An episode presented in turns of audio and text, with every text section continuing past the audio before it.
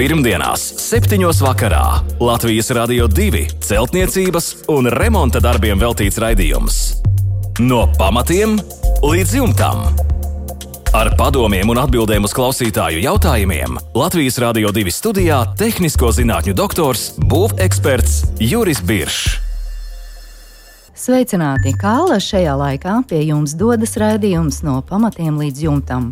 Studijā Inese un būveksperts, tehnisko zinātņu doktors Juris Biršs. Labvakar, Birškungs! Labvakar! Nākamo pusstundu atbildēsim uz jūsu klausītāju iesūtītajiem jautājumiem. Un šovakar sāksim ar Edītas vēstuli. Dzīvoju padomu laika divstāvu paneļu mājā, otrajā stāvā. Remontējam virtuvi, vēlamies flīzēt grīdu. Pašlaik ir dēļu grīda, kur ir nolietojusies un arī nelīdzena. Šobrīd mums padomā ir divi varianti.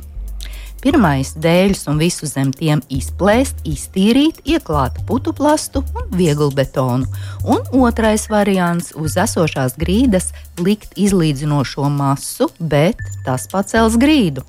Kā būtu pareizāk un labāk ilgtermiņā rīkoties? Tā mums jautā Edīte. Jā, nu ļoti praktisks jautājums. Rīkoties, protams, gar, var vienā veidā, var otrā veidā. Kā tas ir? Tomēr saistīts ar tīri pašas īpašnieka subjektīviem spriedumiem. Tas man liekas, šeit ir pats galvenais. Nu, Es vienkārši iedomājos pats savā lomā, ko es teikšu, teiksim, darīt. Es noteikti atbalstītu pirmo variantu. Tas izmestu visu, kas ir vecs un sapelējis un, un satrūnējis. Un, un nezinu, kad viņš viss veidos, netīrs, izmetam visu to laukā, dēstaisam dezinfekciju un ieklājam. Vot šī ir īstā vieta, kur uz betona, jo apakšā būs betons, paneļmāja, tātad paneļa pārseguma paneļa plātnes caurumotās. Un uz viņiem uzklājām virsmu nebiezu, teiksim, 3, maksimums 5 cm ekstrudētu putu polistirolu. Visā platībā. Otrais stāvs, nekāda bailes no mitrumiem, nekas tur, tur viss ir izslēgts. Un tad uz šīs uh, sagatavotās kārtas mēs varam likt virsū laminātus, parketus, nu, praktiski visu, ko mēs tikai vēlamies. Nu, tā praktiski tas arī ir viss. Un tik vienkārši. Jā. Tāpēc, kad uh, likt uz, uz esošās grīdas, tas ir uz esošiem paneļiem, likt virsū vēl izlīdzinošo masu.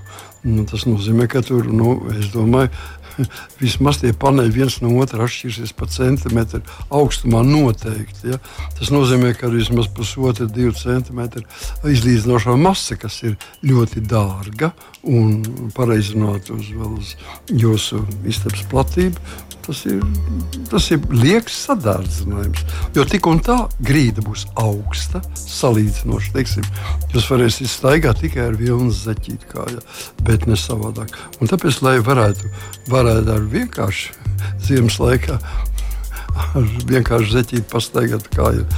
Tad jums vajadzētu siltināt. Nu, tas putekļi polistirols šajā gadījumā ir īstais, kas ir jāliek. Bet viņu atstāt tāpat tas nevar. Tātad viņš ir jāuzklāj vēl grīdas segmateriāls.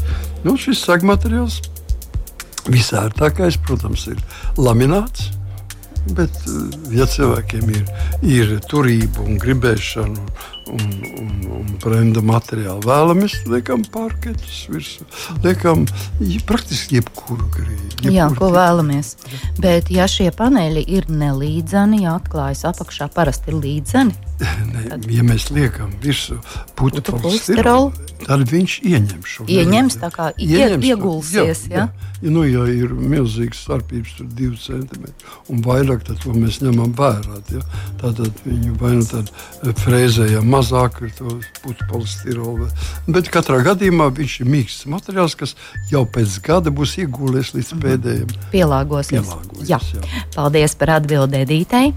Madara mums jautā, kādas ir koka karkas mājas siltināšanas metodes? Un kādu metodi jūs ieteiktu, Biržkungs? Nu, jautājums laikam ļoti plašs. Tur vairākas lekcijas varētu nolasīt. nu, protams, jā. Nu, šeit mm, es teiktu tā, izvēle ir ļoti, ļoti liela. Un tātad galvenais ir atcerēties vienu galveno likumu - koks Tātad koka māja, tas nozīmē, ka tas nav ne mūris, ne ķieģelis, ne akmens, ne pat sīkbloks, bet tas ir koks, kurš prasa tomēr apmaiņu ar ārgaisu. Tātad gan gāzes, gan mm, teiksim, dažādas, kas izdalās no materiāla, gan mitruma apmaiņa, gan temperatūras apmaiņa ir jānotiek. Ja mēs gribam, lai koks nu, dzīvo, eksistētu, eksploatācija mums pietiekoši labs un nepūtu. Ja? Tāpēc pirmais noteikums - visvienkāršākā siltināšana un vislētākā siltināšana ir siltināšana no ārpuses. Ēku no ārpuses. Kāpēc no ārpuses? Tāpēc, ka no ārpuses ēka mums ir. Mēs paši dzīvojam ēkā iekšā. Sienu mēs siltinām no ārpuses. Tas ir pilnīgi ārpusē. Ja? Pilnīgi no mājas ārpusē. Un viss ir kondensāts. Viss, kas tur veidojas, kas tur satiek, kas tur var izveidoties, viss viņš iztecēs ārpus ēkas.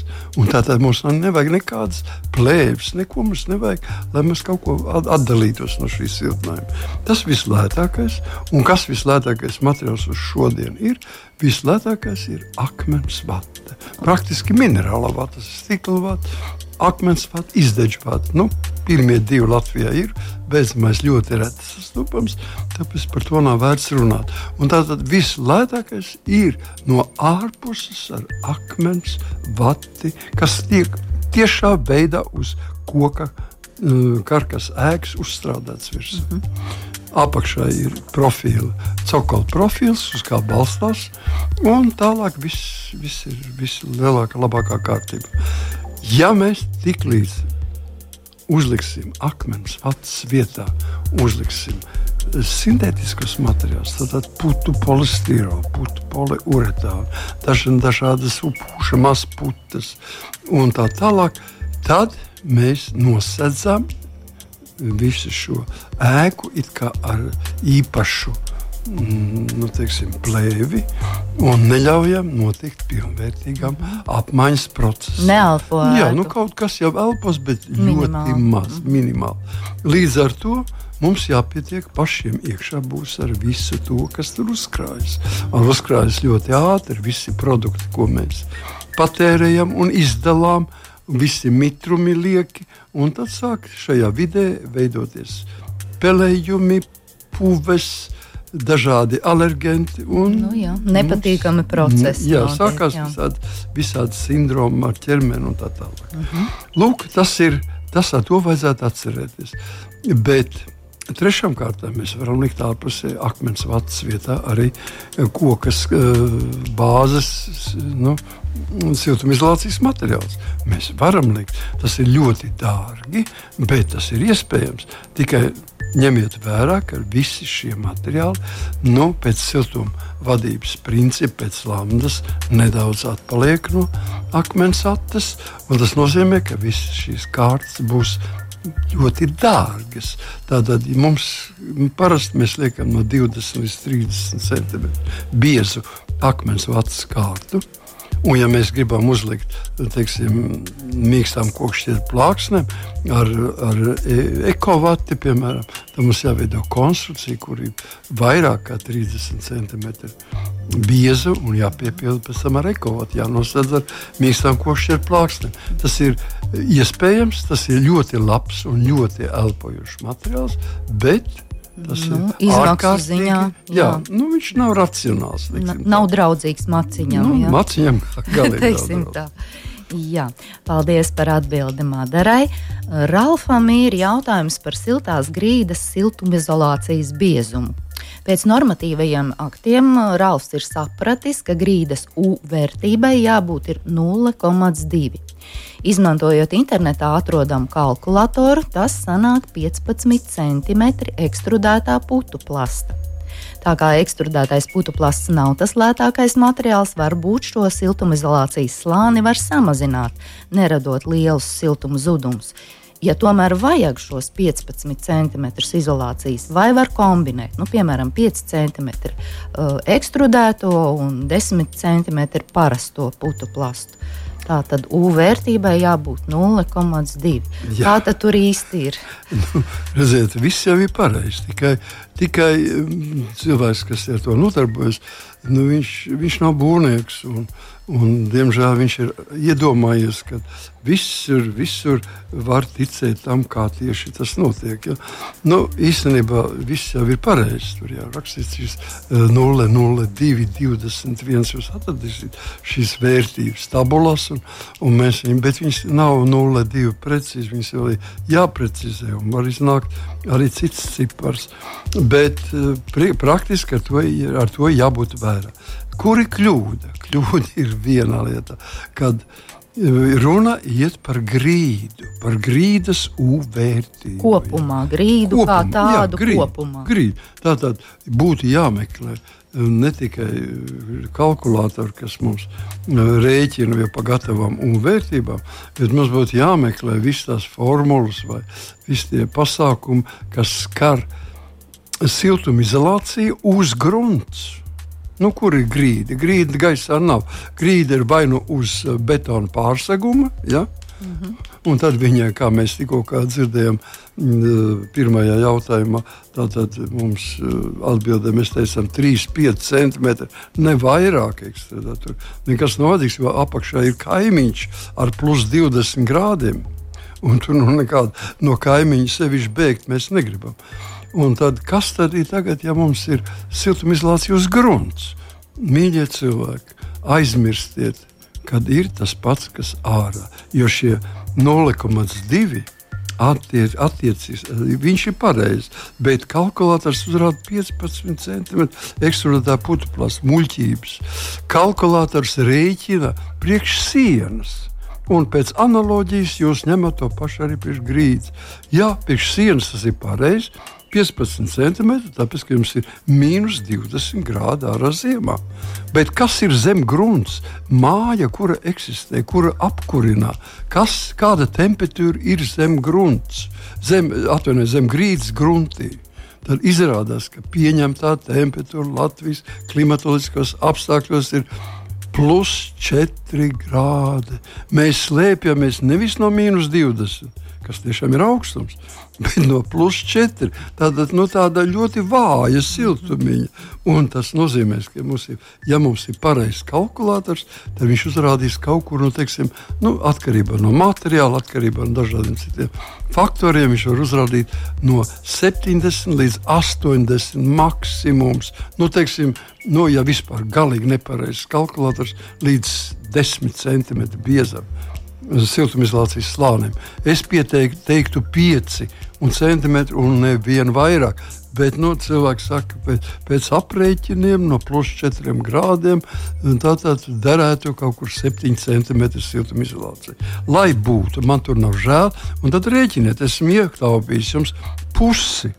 Tātad varat šo, šo putu, ekstrudēto putu polistirolu nopirkt uz pusi mazāk nekā jums to saka. Nu, parasti mājai aiziet kaut kur kādi nu, no 15 līdz 20 kubikmetri šī ekstrudēta, un tad mēs varam iekonomēt milzu naudu.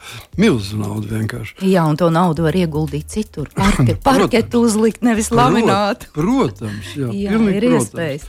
Tā kā redziet, tas viss ir. Un, ja tomēr, nu, teiksim, pieņemsim, ka cilvēks netic man un netic nekam citam, un tic svēti vienam kalkulatoram, viņš ir izvēlējies tomēr to darīt, tad lūdzu, mīļie cilvēki, variet to darīt. Variet arī kombinēt. Ja? Variet kombinēt, protams, 5 centimetru ekstrudētais tas ir lieliski un 10 centimetru eps. Tas ir nu, teiksim, tā, pavisam mm, godīgi. Tas ir kā, kā, kā teiksim, iepakojuma līdzeklis par klavierēm un kaut kam tur. Nu, tur izmanto šo epsu. Eiropā ja viņi ne, nekur ne vairāk tikpat kā neizmanto. Ir dažādi uzlabotie un, un modificētie un, un dažādi veidi. Nu, varbūt tie kaut kur tuvojas kaut cik labi, bet eps tips. Nu, vismaz lēts viņš ir noteikti. Neaizmirstam, ka 15 centimetri ir biezs siltumizolācijas slānis. Sevišķi, ja mēs vēl veidosim apsildāmo grīdu, viņš deformēsies gan. Jo pastāv tās deformācijas veidi, kā, kā šļūde, kā rukums. Un pie paaugstinātām temperatūrām tas ir izteikts. Un kas tad ir putekļs, putekļa materiāli, putekļa uretāna materiāli? Tie ir palīgi materiāli, kas, ka, uz kuriem ļoti slikti iespēja atstāja tātad, karstums un kas ļoti ātri noveco. Jā, skaidrs. Nu, man šķiet, jūs ar Alfu pārliecinājāt. Nu, es nezinu, Jā. es katrā gadījumā domāju, ka ir vērts pameklēt šo, jo maksāt par 15 cm zem. Nu, tātad virs grunts likt 15 cm ekstrudētu putekļus, man liekas, nu, tas ir ārprāts. Nu, skaidrs. Jā, paldies par atbildi Ralfam. Pirmdienās, 7. vakarā Latvijas Rādio 2 celtniecības un remonta darbiem veltīts raidījums. No pamatiem līdz jumtam. Ar padomiem un atbildēm uz klausītāju jautājumiem Latvijas Rādio 2 studijā - tehnisko zinātņu doktors, būveksperts Juris Biršs. Šobrīd notiek vasaras būvniecība, mums raksta Kaspars. Tā uzbūvēta uz restaurētiem staļļa akmens mūriem, apmēram 50 cm no zemes. Konstrukcijā izmantots 150 x 150 brusas, sienām un grīdai. Vēlos izbūvēt sanitāro mezglu un dušu, un jautājums ir par grīdas konstrukciju. Plānoju no apakšas skrūvēt melno grīdu. Un grīdas pīrāgs būs šāds plēve, siltinājums keramzīts, plēve, 20 mm OSB, hidroizolācija ar lentām, audumu, stūra lentām un noslēgumā flīzes. Domāju, flīžu šotāju vietā izmantot silikonu, jo koku konstrukcijai staigājot tas varētu neplaisāt. Vai šāda konstrukcija ir pareiza un izturēs dušas mitrumu? Šāds ir Kaspara jautājums. Jā, nu, jautājums ir diezgan sarežģīts un tā tik vienkārši esam redzējuši to atbildēt nevar. Viņam nu, vienmēr pārbūve ir kas sarežģītāks, un tā kā tā ir kaut kāda veca stallis ar akmens mūriem, es to pilnīgi piekrītu. Un tad mēs, tātad, Kaspars ir izvēlējies grīdas augstumu apmēram 50 cm no zemes. Man ir divi brīdinošas lietas. Viņam tātad pirmkārt šie 50 centimetri nedrīkst palikt tukši. Tātad ir jādomā par viņu aizpildīšanu ar grunti, vislabāk ar kaut ko ar šķembeidīgu, ar kaut ko rupju. Nu, tas, nevien, tas neprasa, ka tam noteikti jābūt izdeģiem un, un, un, un, un keramzītam. Ja tas var būt acīs un daži dažādi šķembu materiāli. Ja vissliktākā, vissliktākā gadījumā rupja grants un kaut kas tāds, bet nekādā gadījumā ne tukša vieta. Sārāk tur radīsies mitrums, grīda pūs vienkārši acīm redzami kopā. Tā, tālāk tātad mēs veidojam šo šo ar mazu atstarpīti no piepildīties ar, teiksim, ar acīm piepildīt. Apakšā mēs vedam šo koku grīdu un nonākam līdz dušas telpai. Ja? Tātad dušas telpa. Jautājums ir galvenais, jo šeit ir nu, ne tikai no apakšas mēs baidāmies no mitruma, bet arī no virspuses būs mitrs. Tātad, ko es ieteiktu? Es ieteiktu, ka tas nav tas dārgākais variants. Visas ir tas, ko iesaka Kaspars, ir ļoti sarežģīts. Pareizi, ja viņš izturēs zināmu laiku, ja no antiseptizētiem koku materiāliem var veidot, ar, ar ļoti uzmanīgi darbojoties ar hidroizolācijām, kaut ko tur var izveidot. Viņš turēs zināmu laiku. Bet es ieteiktu daudz vienkāršāku paņēmienu, kas teiksim, nu, pieļaut jums dažādu tādas priekšrocības vēl. Ilgmūžību, mm, lielu mehānisko izturību, nepūtu. Tātad tā, tā, visu to zonu, kurā paredzēta ir, ir um, WC duša, noklāt nevis ar koku materiālu, bet gan ar bezdelīgu astes metāla profilu. Tātad tas ir gabals gabala profils, ja? tātad vesels loksnes un uh, bezdelīga aste. Nu, es jums priekšā nevaru uzrunāt, bet apmēram tāds viņš ir. Mazliet it kā bezdelīga aste iet uz, uz ārpusīt, un tad tāds nevis kantains, bet ir tāds diviem asiem stūriem. Nu, tirzniecības vietā noteikti zinās. Jā, nu, tirzniecības vietā zinās, jā, jo viņu ieved, nu, galvenokārt, es agrāk viņi dažādas firmas laida veda iekšā. Šodien jūs varat pasūtīt viņu jebkurā būvmateriāla veikalā, viņi ieved no Polijas bezdelīga astes profils ar 18 centimetru. 18 mm no šiem iedziļinājumiem. Mm -hmm. ja? Tātad tikai 18 mm. Viņš ir stingrs, viņš nav salocāms, viņš ir stingrs, uzliekams un tādā savienojams un uzklājams uz šo vietu. Uz viņa mēs betonējam divus centimetrus. Tas nozīmē, kopā tajos, tajos ribu vietās jau būs 18, plus 20, 38 mm ribas. Tātad viss pārējais būs betona.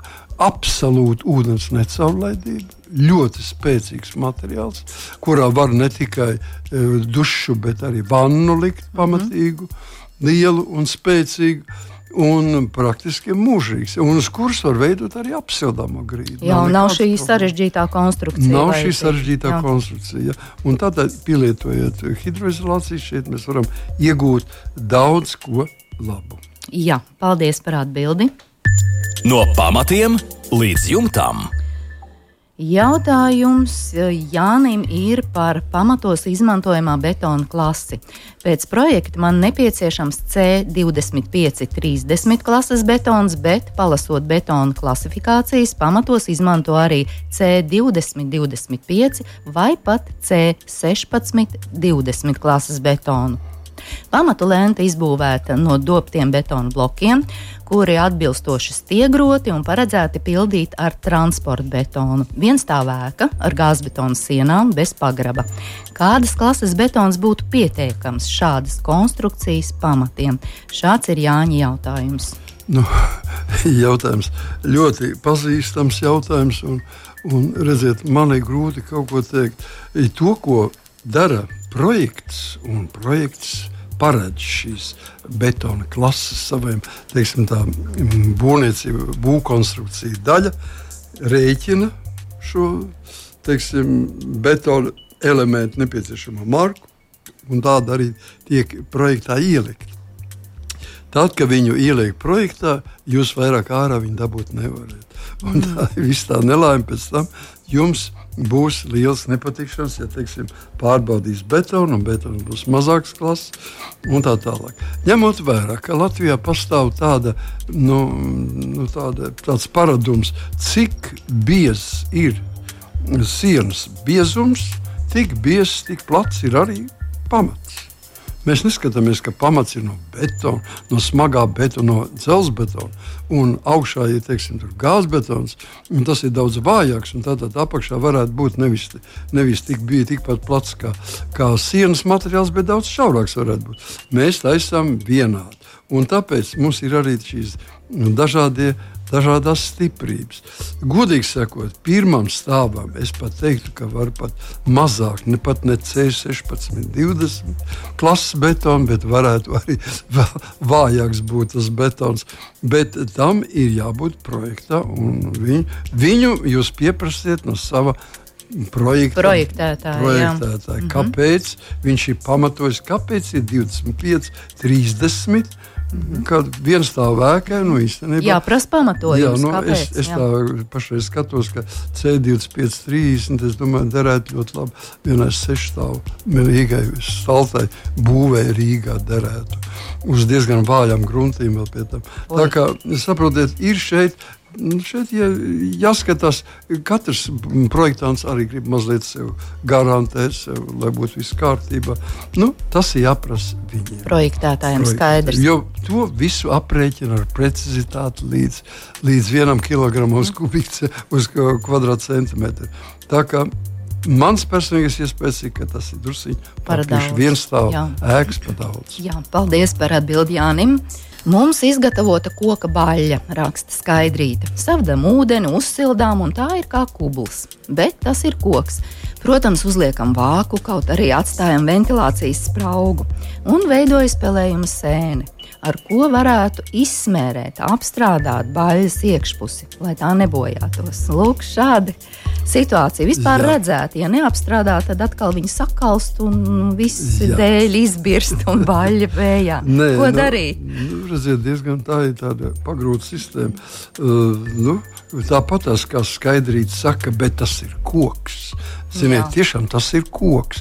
Un kokam sasilstot, viņš ir ievērojami paplašinās, atdziestot, viņš saraujas, un tā tad likt kaut kādas krāsas iekšā, un teiksim, kas tur viņas plaisās. Ja. Tā tad mm, bez šaubām, ka mēs to darīt nevaram. Nu, tad mums paliek tikai viena lieta. Mums ir pirmkārt jā, ir jāiz, nu, tad, kad viņš ir kubls, ir tukšs, protams, kad viņš ir mazliet pažos sausāks, mēs viņu, mēs viņu apstrādājam ar antiseptiķi. Un, diemžēl laiku pa laikam viņu jāapstrādā.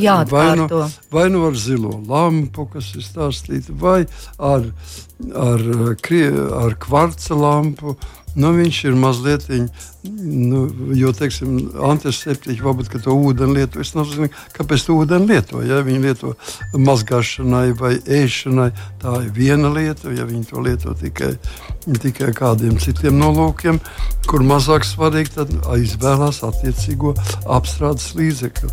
Diemžēl, jā. Ne no ārpuses mēs nedrīkstam neko noslēgt, no iekšpuses. Nu, arī nebūtu labi, ja mēs noslēgtu visu cauri. Tas nozīmē kaut kādu gumijai līdzīgu masu, ja, kas arī siltumā pie karsta ūdens var dot kaut kāds izgarojums. Tātad mans ieteikums ir viens. Diemžēl tas ir koks. Ja?